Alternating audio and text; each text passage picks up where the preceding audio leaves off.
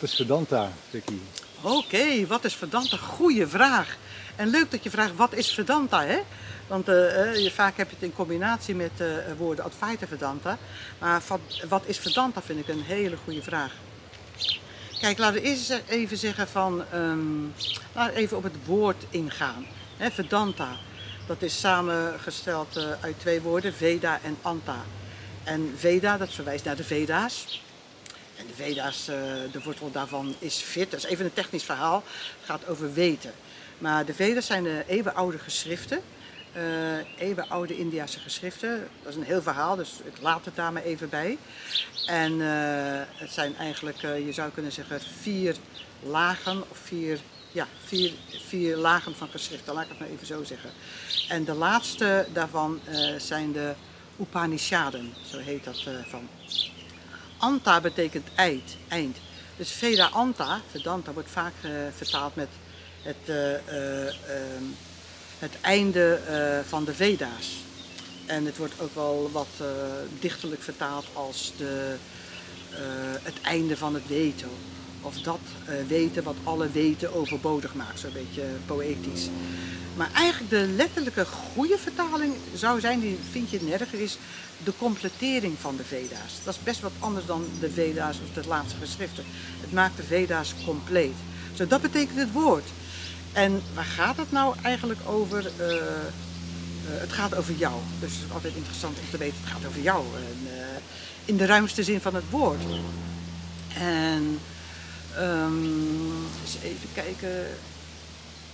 Als ik zeg Vedanta, of Advaita Vedanta, je ziet het vaak in een combinatie. Advaita betekent niet twee, A is niet en Dvaita is twee dan is het uh, ja, niet twee einde van completering van de Veda's. Dat is een moeilijke uitleg.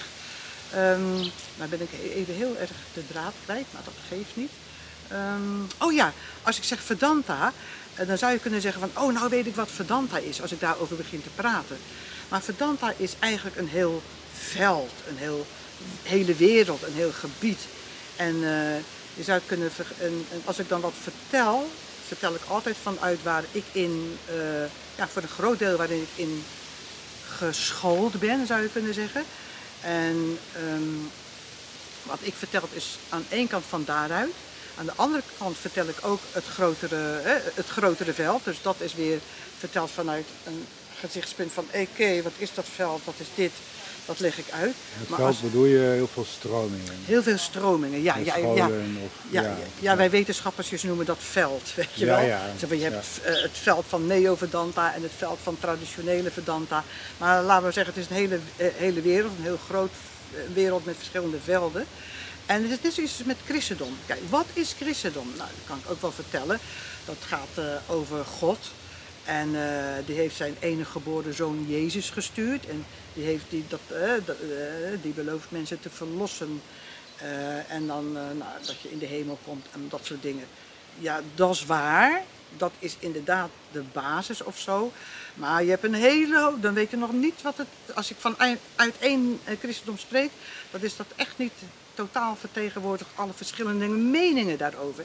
Je hebt katholiek, je hebt Nederlands hervormd, uh, protestant, uh, gereformeerd enzovoort. Zwarte Kousenkerk, de charismatici, ook een, heel, hele hoop stromingen. Nou, het gaat ook voor Vedanta. Er is wel één ding waar het over gaat en dat is over jou.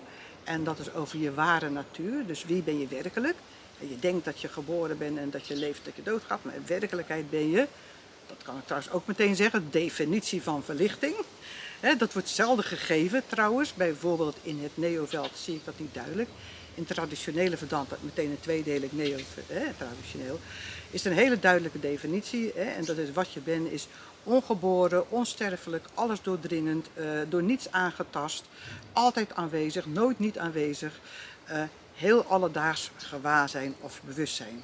Andere woorden, de woord Brahman, uh, Atman ook wel, maar Brahman verwijst meer naar, naar dat. Um, als je dat zonder enig spoortje van twijfel realiseert dat je dat bent. Uh, en trouwens je bindende vasana's, is het uh, Sanskriet wordt je bindende neiging niet bindend hebt gemaakt. Dan ben je verlicht kan je ook nog een hele hoop dingen over zeggen. Hè, dan ben je zelf gerealiseerd. Dus daar gaat het over. Maar hoe en wat en eh, eh, eh, weet je wel, is er een God, is er geen God? Eh, ja, daar, daar zijn een hele hoop stromingen in. Ja, dus eh, maar Vedanta gaat eh, eh, in principe over jou en dat wat je werkelijk bent. Ja, dankjewel. Ja. Ja. Wat, wat betekent Vedanta voor jou? Hoe leef Oh. je Vedanta? Of, Oh, wauw. Ja. Zo, I didn't see that coming. ja, wat een goede vraag. Hoe leef je Vedanta? Ja, dit doet me denken aan een. eh, eh, eh, ik ben, ben hier een boek over aan het schrijven. Maar een ander boek wat ik aan het schrijven ben, of nog moet schrijven hierna, is Embodied Spirituality, belichaamde spiritualiteit. Dus laten we zeggen, wat Vedanta voor mij niet is, is dat ik een hele hoop theorie in mijn hoofd heb en de geschriften uit mijn hoofd ken. Ik ken ze ook niet uit mijn hoofd, moet ik eerlijk bekennen. Maar al zou ik ze allemaal uit mijn hoofd kennen en het kunnen reciteren, dat, zou voor mij, eh, eh, dat is voor mij niet wat het betekent. Eh, wat het voor mij heeft gedaan, is het, ja, heeft eigenlijk mijn leven veranderd, zou je kunnen zeggen. En dat is eigenlijk gewoon van, vanuit een, een, een, een klein, ja, wat we wel normaal vinden hoor, vanuit, vanuit een mensje zijn, weet je wel. Denken dat je dat bent met alle toestanden daarbij. Ehm, ja, realiseren dat ik dat niet ben. Zo van, hé, hey, goh, jeetje, ik ben nooit geboren. Klinkt een beetje raar, maar met alles erop en eraan. Hé, hey, ik ben gewaar zijn. Nou, is dat op zich eh, overigens niet zo heel moeilijk om je te realiseren. Wel om dat te realiseren in alle hoeken en gaten. Want onwetendheid, dat zit overal ingebakken. En daar gaat het mij om. Niet dat je weet, oh ja, nee, dat makes sense. Tuurlijk, dat zou theorie zijn. Maar om dat te belichamen, eh, betekent het dat je ook andere keuzes in het leven maakt. Daar gaat traditionele Vedanta trouwens heel erg over. Hè? Dus dat is niet van, we hebben het alleen over dat laatste stukje, dat je dat weet, de rest is niet belangrijk. Nee, daar, zei, daar zit ingesloten van, hoe leef je dan? Karma yoga is een onderdeel van hè, traditionele Vedanta. Van hoe verhoud jij je dan tot de mens en tot de wereld en tot de objecten en tot God en tot het Allerhoogste en tot eh, dat wat je werkelijk bent, voor zover je je daartoe kunt verhouden. Dus eh, ja, het, het, het, het, het, geeft, ik zou zeggen, het geeft rust, het geeft ehm, eh, kracht. En wat ik heel belangrijk vind, want wat de belofte is met dit soort dingen, is als je verlicht bent, dan ben je altijd gelukkig.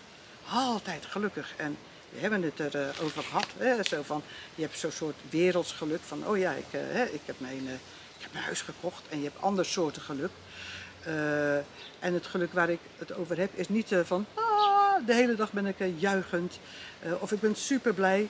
Dat geluk is een soort kalme onderstroom die je, waar je altijd in terug kan vallen. Dat kan ik zeggen. En wat ik nog belangrijker vind, is dat ik door Vedantas vind ik dat je daardoor een totaal mens bent. Hè? Een eh, volledig mens. En wat betekent dat? Dat betekent voor mij niet dat je nooit iets rottigs eh, meemaakt of ervaart. Eh, laten we zeggen, ik heb best wel het afgelopen jaar heftige dingen meegemaakt. Echt heel heftig, met een hele zieke echtgenoot. En daarbij vind ik, is mij helemaal niet bestaard de angst om hem te verliezen. De, ah, het, ik word er bijna emotioneel, het verdriet om hem te zien lijden. Verschrikkelijk.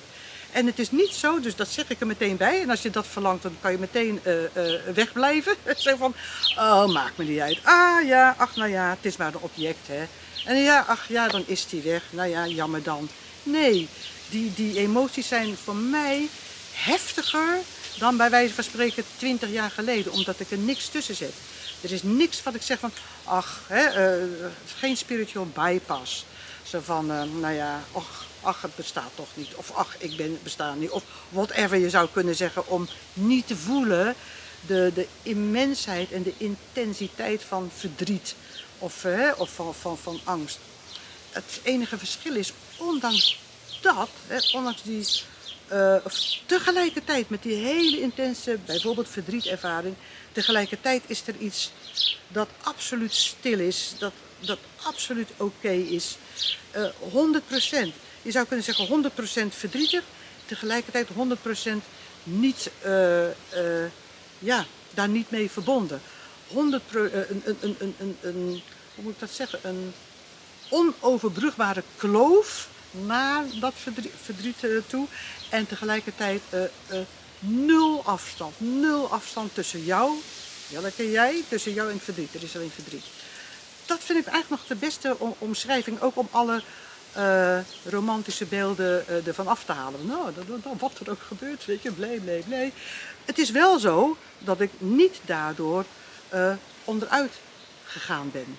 Wel in staat om voor te zorgen, om naar het ziekenhuis te rijden, om nou, allemaal van dat soort dingen. Dat dan weer wel, weet je wel. Eh, en, maar, maar misschien voor hetzelfde geld ook niet hoor. Maar het, gaat- erom dat er in de meeste intensiteit van de intensiteit tegelijkertijd ongelooflijke kracht en rust is.